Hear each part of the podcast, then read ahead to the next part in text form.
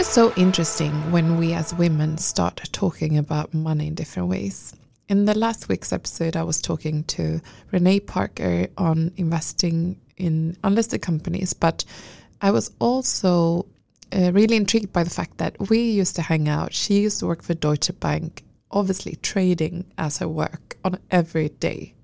And I was investing um, separately, but we never spoke about this. It's like we are silos, not actually talking about money. And this is something that I've been thinking about like, how come that we don't do that? And thinking about what can I do to encourage women to talk about money in different ways. I actually have started sharing a little bit about my thoughts uh, on how I'm using money, uh, both in terms of savings for the kids, but also investing. And you know what? I would actually sell my portfolio, parts of my portfolio, and I have done that. For example, when I bought Feminvest, I had savings uh, in the stock market that I sold to be able to buy Feminvest. And I would do that to be able to continue to pursue uh, the vision that we do. And that's a risk that I'm taking. It's kind of actually selling off for some security or letting go of savings to to uh, jump into something that you really believe in. And uh, for those of you that attended Fearless in March, I was talking a little bit about that. But Like, what happens when you actually invest money that are secured in some way into something uh, that you really believe in? It just adds an extra layer of you really want it to to work and you really want it to fly. Uh, so in my in my aspect or in my case, it's about making Feminvest a really good company. And I have invested my personal money into this company actually turning out really well. And it's just that extra connection to the business. Um, it's obviously higher risk, but it's important to take risk if you want to get something back. And that's something that I want to encourage others to do, and hence I had to do it myself investing and taking some of my taking financial risk myself. So we need to talk about money in more ways. And I was at a dinner not too long time ago when when uh, I was bringing up, you know, what I did with my portfolio and what does just open up so many different conversations about someone that was like, I really want to start invest uh, but I haven't uh, started. And someone else was like, Yeah, I've been thinking about selling this stock. And it just opens up and um, it creates a space for others to to be vulnerable about money because I think that's most of the case that's the thing. We are not vulnerable when it comes to money and talking about it. It's like either um, you feel that you don't have enough and then that's an insecurity or you feel that you have too much and you don't want to brag about it. But money is simply a tool and it's so important for us to actually talk about how we use that so we can learn from each other learn from the good things we do but also learn from the mistakes and that's why I'm so excited to actually share with you our new concept that we do in collaboration with SEB, and it's Summer Talks. For those of you who live in Sweden, you know that every summer uh, the Swedish radio are distributing a bunch of really incredible summer talks where women and men share their thoughts on uh, their lives, experiences, etc. And we have decided to actually launch the same summer talk, but for women talking about money in so many different ways. And I'm so excited about this because we need to get going in talking about how we spend our money, what we, um, how we plan for our careers to pan out, and what we want, our ambition in terms of of uh, financial investments, etc. And we have eight women sharing different stories on what they do with their money. And it's from a lady that actually became a, a CEO of a stock listed company when she was 33 years old. That's really impressive. And we've got a woman that was the youngest Swede at Wall Street. That's also super impressive. And then we have a girl that actually failed with her first business so that it went bankrupt, but she bought the company back. The company went bankrupt and then she bought the company back. Can we just stop and talk, just contemplate what that actually means? So I just want you to sit back this summer and listen to those incredible women. And I hope that they will inspire you in different ways. So, in the next episodes, you're not going to listen to me or any other uh, interview from Saba with the entrepreneurs that she is uh, interviewing, but you will be listening to incredible women being vulnerable about money and sharing their stories on money, investing, entrepreneurship, how they were brought up, what they spoke about at home in regards to money, etc. So I hope you really enjoy and make sure to share those episodes on social media and with others because I hope that it will spur some inspiration in you and your friends on that it's actually okay to take risk and it's okay to feel uncomfortable and I hope that it inspires you to do something that you haven't done before with your money. So I want to say thank you for uh, this uh, amazing start of the year. And uh, you can obviously follow me on my social media channels. Uh, I'm more active on Instagram and Twitter, I would say, but Mi Berglund on Twitter and A. Michaela Berglund on Instagram. And then you can also connect with me on LinkedIn. There are two things I want to share before I uh, hand over to the last uh, interview with Saba. And it's two things that's happening after summer. First of all, Fearless, the September edition is back. And we will be at Berns in Stockholm. And it's an amazing event that will take place on the 20th of September. And it will be incredible. So make sure to book your ticket. You can go to feminvest.se and you'll find the link there to the event. And if you are a member, it's free of charge, so you'll uh, be able to book your ticket uh, free of charge. And if you're not a member yet, um, you'll um, you can go there and, and just reserve your ticket. And we have a really new we have some new additions to this this uh, times event. We'll have an exhibition for female artists and creators so if you are a female artist or if you are a creator, make sure to reach out to info at feminvest.se to actually reserve uh, a spot to present your work. So exciting, because we want to show that female female uh, business owners are across industries. So that's an element that I'm really excited about. I'm into art, so look forward to see all the incredible creations that will be part of that event. And then uh, all the expand members will also be offered to showcase their businesses for free. So if you're an entrepreneur, a female entrepreneur, majority owned company by women is the criteria. And if you know that you want to scale, apply to join expand. You can do it via the website as well because you'll get a free um, opportunity to showcase your business at this event. And you'll get that at the next event we'll create in the spring as well. So it's really good value to become a member and enjoy the network of 50 women now, because the network is, is already 50 uh, owned companies. It's amazing.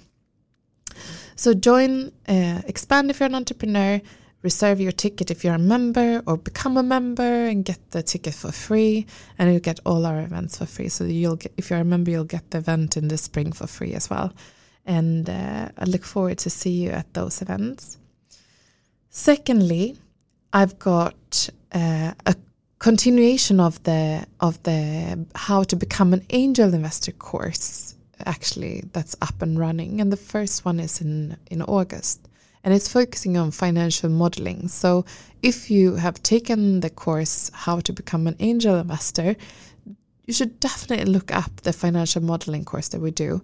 It's going to give you the tools to actually calculate on valuations.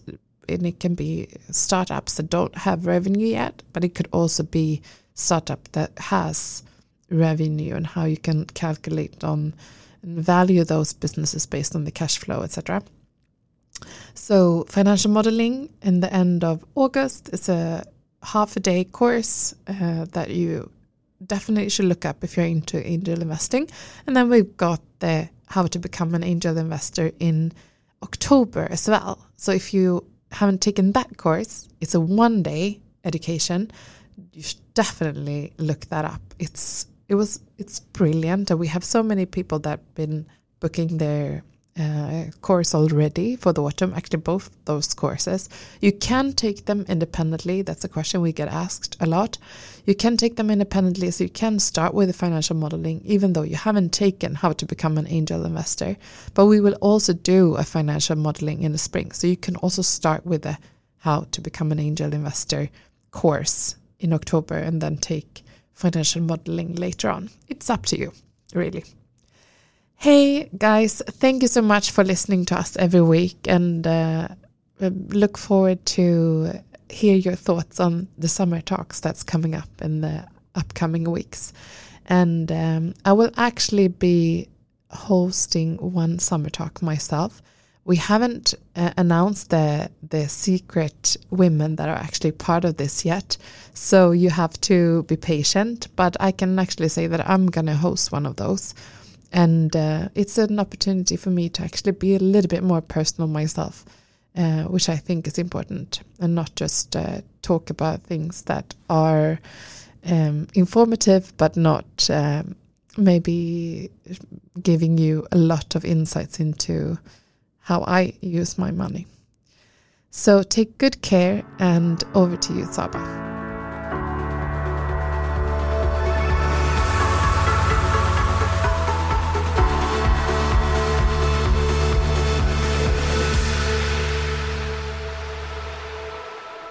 Yes, welcome to Feminvest podcast. And this episode, I have to tell you that I'm going to introduce a very international renowned guest, an economist, a writer, and an international speaker.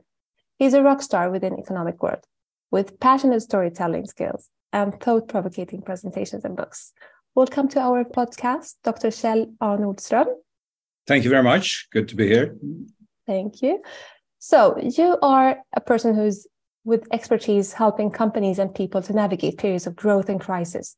You have unique ability to predict the future by looking at our history with the rearview mirror so let's start with your book, The Monkey and the Money, that you just launched. Uh, tell me about, about it. How did you dig into the fundamentals of transactions uh, and talk about early history? The monkey and the money, the monkey is us, us human beings, in the sense that we have traveled now for two and a half million years through time. It all started in Africa, as most of us know, and we were then more like a monkey than a human being. And gradually we lost the hair and we built our societies. Um, the great insight underlying everything that has to do with economics is the idea that we can do a transaction. You can swap things. We didn't have any money in the beginning, we didn't have anything. You had grapefruits, I had only nuts. And someday we understood that you and I could do a transaction nuts for grapefruits, grapefruits for nuts. And the magic thing is that both of us then get a better life after the transaction. And no one uh, has, has, has a worse situation than we had before the transaction. So there is a little bit of magic there. Yes. And when I was reading the book, I was I was hit by the the idea that how come i mean these are basic transactions that we started with. How come this this world of transactions is dominated by men?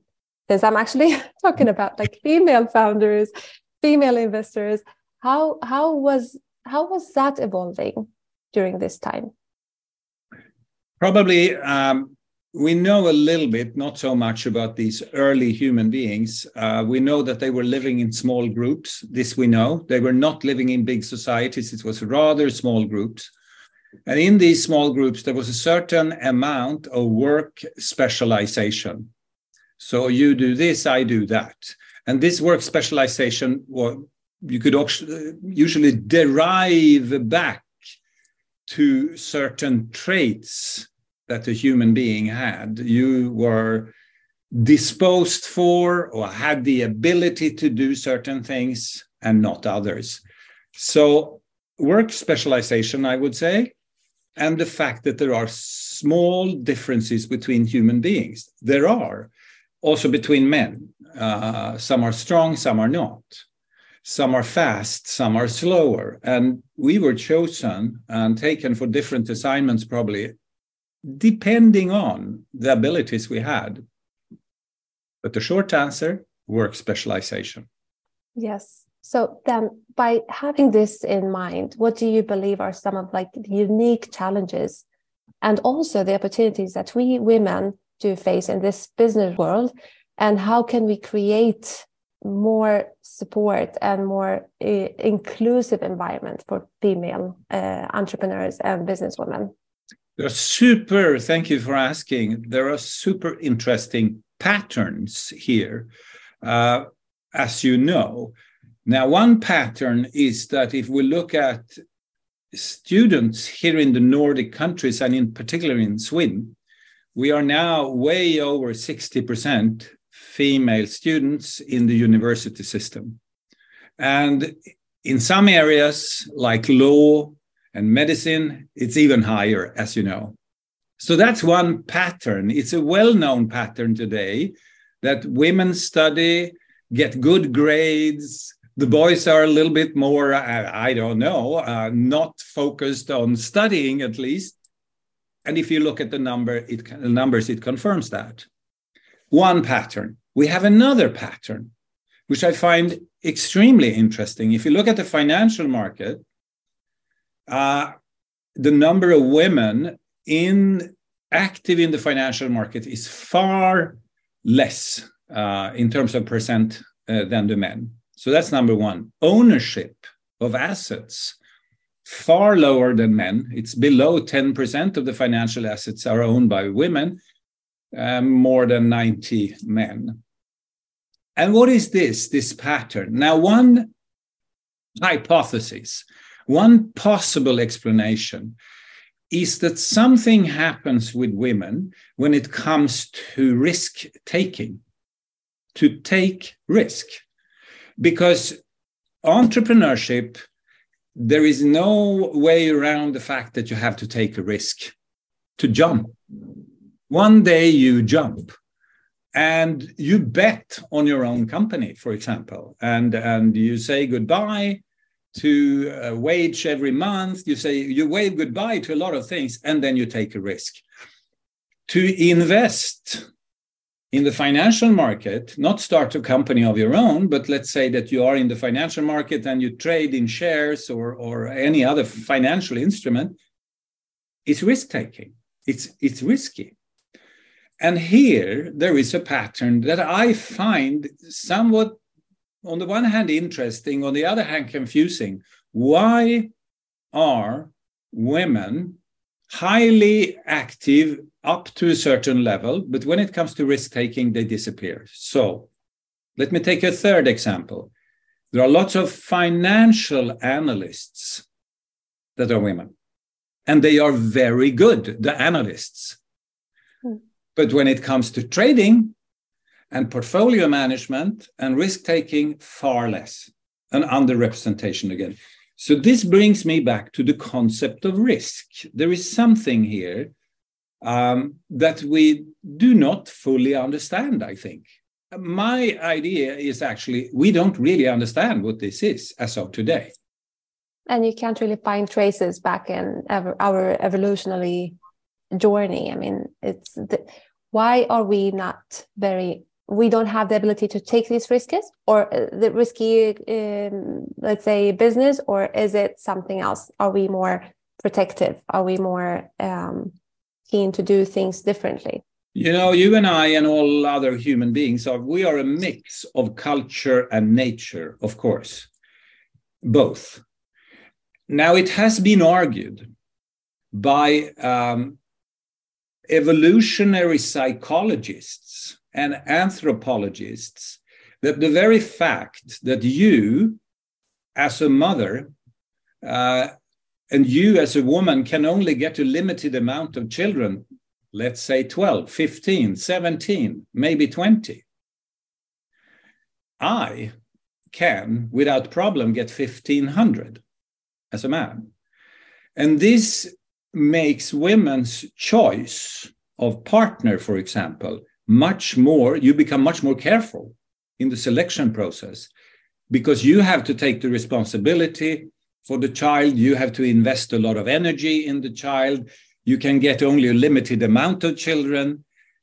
There are a number of factors that point in the direction that you become a little bit picky. I don't have to be picky. I can do another one and another one and another one and another one. Um, this has been argued that maybe this has as an effect that women are a little bit more risk averse on average if you look at the population level. Not the there are of course uh, single individuals single women that are risk takers my god. But if you look at the average of a big population then you could argue possibly that as an effect of this at the group level and the average group level women are somewhat less risk aversive than men because they are by evolution shaped and formed to avoid massive risk taking. At the individual level, single woman, you will of course find women that are huge risk takers, but not on average.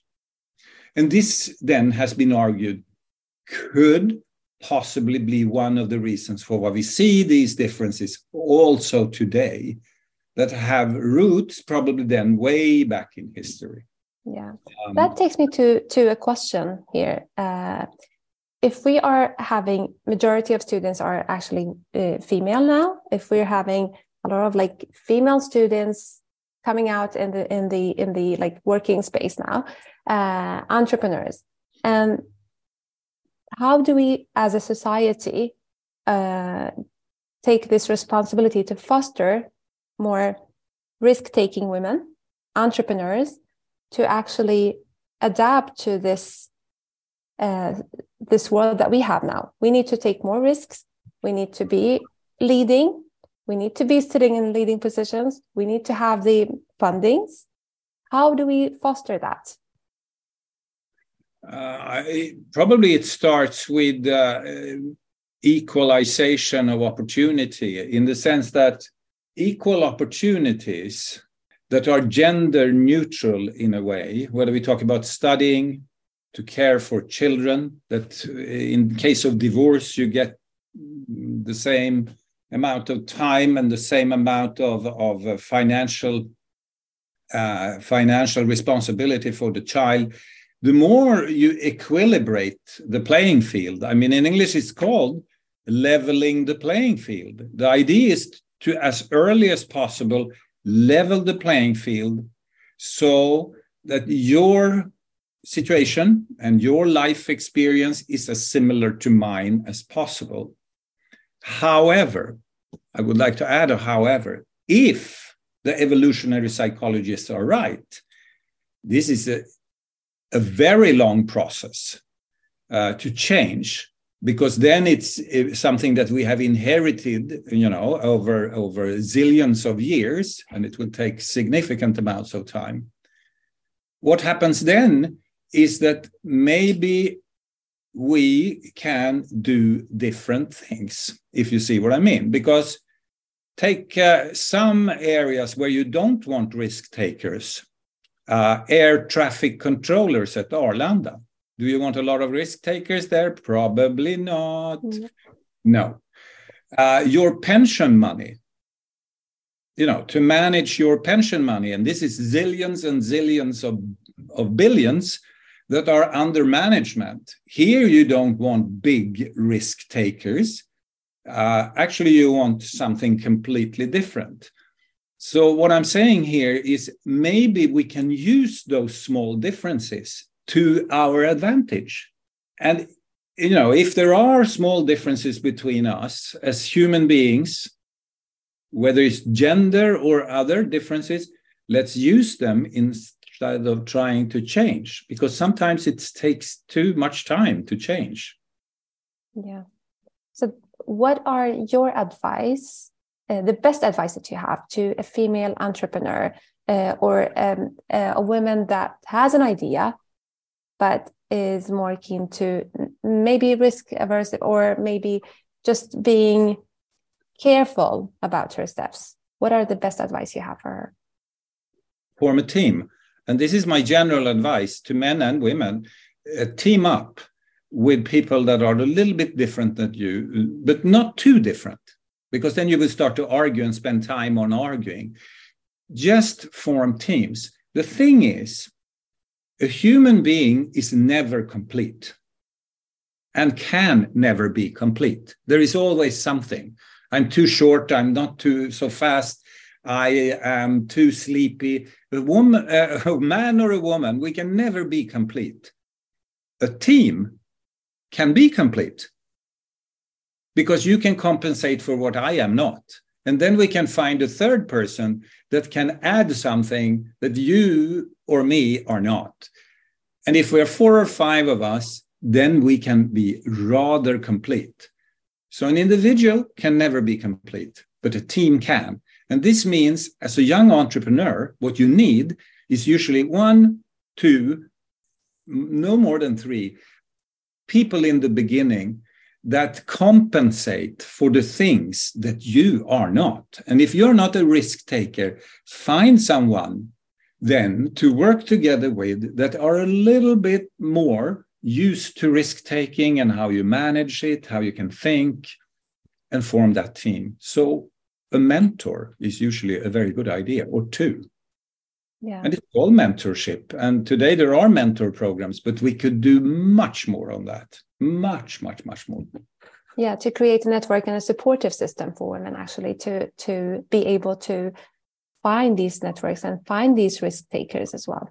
Yes and they don't have to be male because as i said if at the single individual level there are uh, women there are risk takers. So you can find a woman of course you can that to be your mentor. In many cases it's probably a man but then take a man then. I mean as long as they do the job, uh, yeah. I mean, it, it's that's the important thing. But I think the term that is used is very often networking. I'm okay with that. Mentorship, I'm okay with that. What I think helps is to think of it in the terms that I just share with you. Individuals are never complete. Teams can be complete. And then, of course, shape it, form a team. As a young woman, uh, and and maybe you're uh, just arrived to the United States or to Sweden, you don't know how the, the society works, form a team. Find a handful of people that can help you to to take the first steps financially, risk taking, and and what have. Yeah, and that takes us to the next question, and the next like big um, big thing in mind is uh, the funding gap also like the money invested in in uh, female entrepreneurs. How should we work towards more equal funding or like try to support women by increasing fundings to female uh, businesses? What is your view on that? Mm-hmm. because we do have a funding gap. There is a funding gap yeah and I think that's two sided. That funding gap is two sided. On the one hand, there are not that many risk taking females that are in the financial market looking for funding. So that's a demand side. Then it's the supply side, that on the supply side, it's massive amounts of men. Um, and what we can see from other areas is that there are issues when it comes to, for example, what is the ambition with my entrepreneurship? Why am I forming a company? Uh, from the studies that are made, you can see that men, when they form a company, want it to grow, prosper, go international, become big, well known, and established. Many of the female entrepreneurs say, uh, well, thank you, uh, but we are not so interested in entering the German market. I'm interested in doing a good job for my clients. I would like to have a smaller, medium sized company, not too big, because then I would like to have control of my company. We've also seen that many of the female entrepreneurs do this because they are sick and tired of big hierarchies full of men where they are not in control of their own life. So they leave Ericsson, the company Ericsson, and start something up of their own and sell their services back to Ericsson and, and similar companies, Siemens and other uh, telco companies. What I'm saying here is the investor, the male investors uh, uh, that ask you, could you present your idea? And you go like, yes, I have this idea. And this man goes like, okay, so you're not going international. You're not thinking in terms of becoming uh, 500 employees in five years. And you go like, no, 50, thank you. And we would like to grow a little bit slower under control. It's a gap in terms of ambition. And here, I think it's like with language, you need interpretation.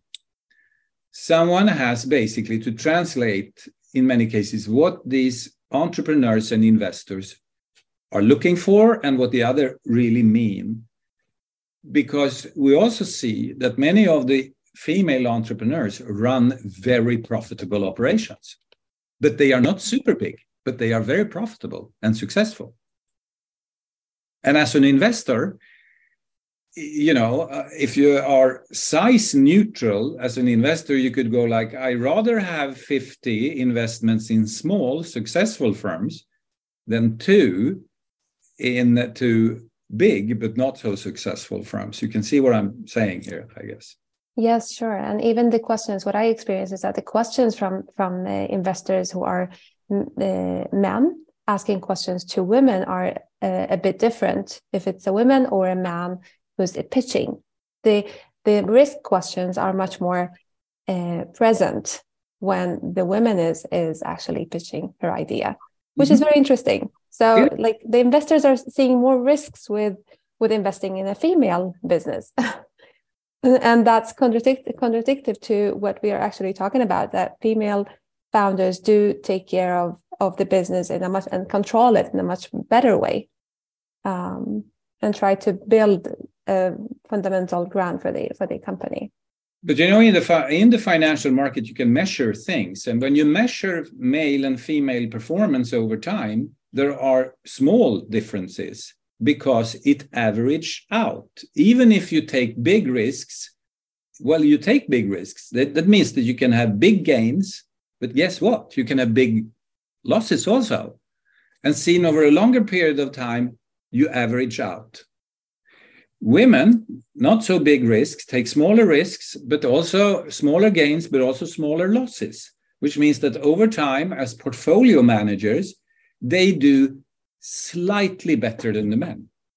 Not super much better, but a little bit better.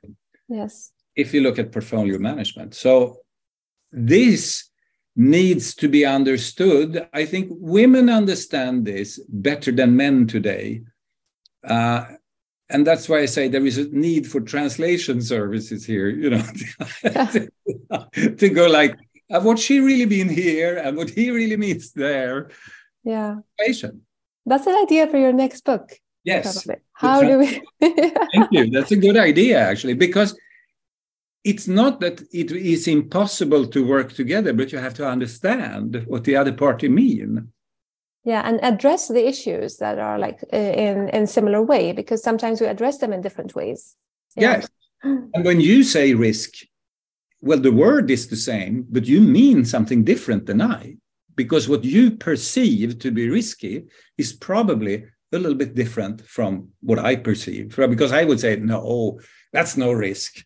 And you were like, well, have you thought about this, Kjell Uh, so, yeah, translation services. Yeah, translation services team up with good people. yes.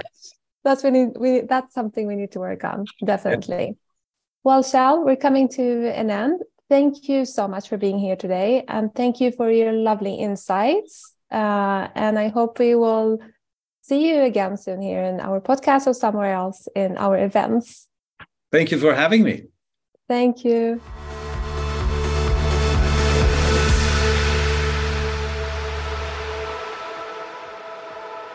Feminvest är Sveriges största investeringsnätverk för tjejer. Vi vill att allt fler ska våga äga och förvalta. Och hur gör vi då detta? Jo, vi vill inspirera, utbilda och utmana runt ägande, investeringar och entreprenörskap. Följ Feminvest på våra kanaler Facebook, Instagram, Youtube. Varje vecka så kommer vi även ut med en podd och du kan ju självklart även följa nyheterna som publiceras på feminvest.nu. Det är bara att söka på Feminvest på samtliga kanaler så hittar du till oss.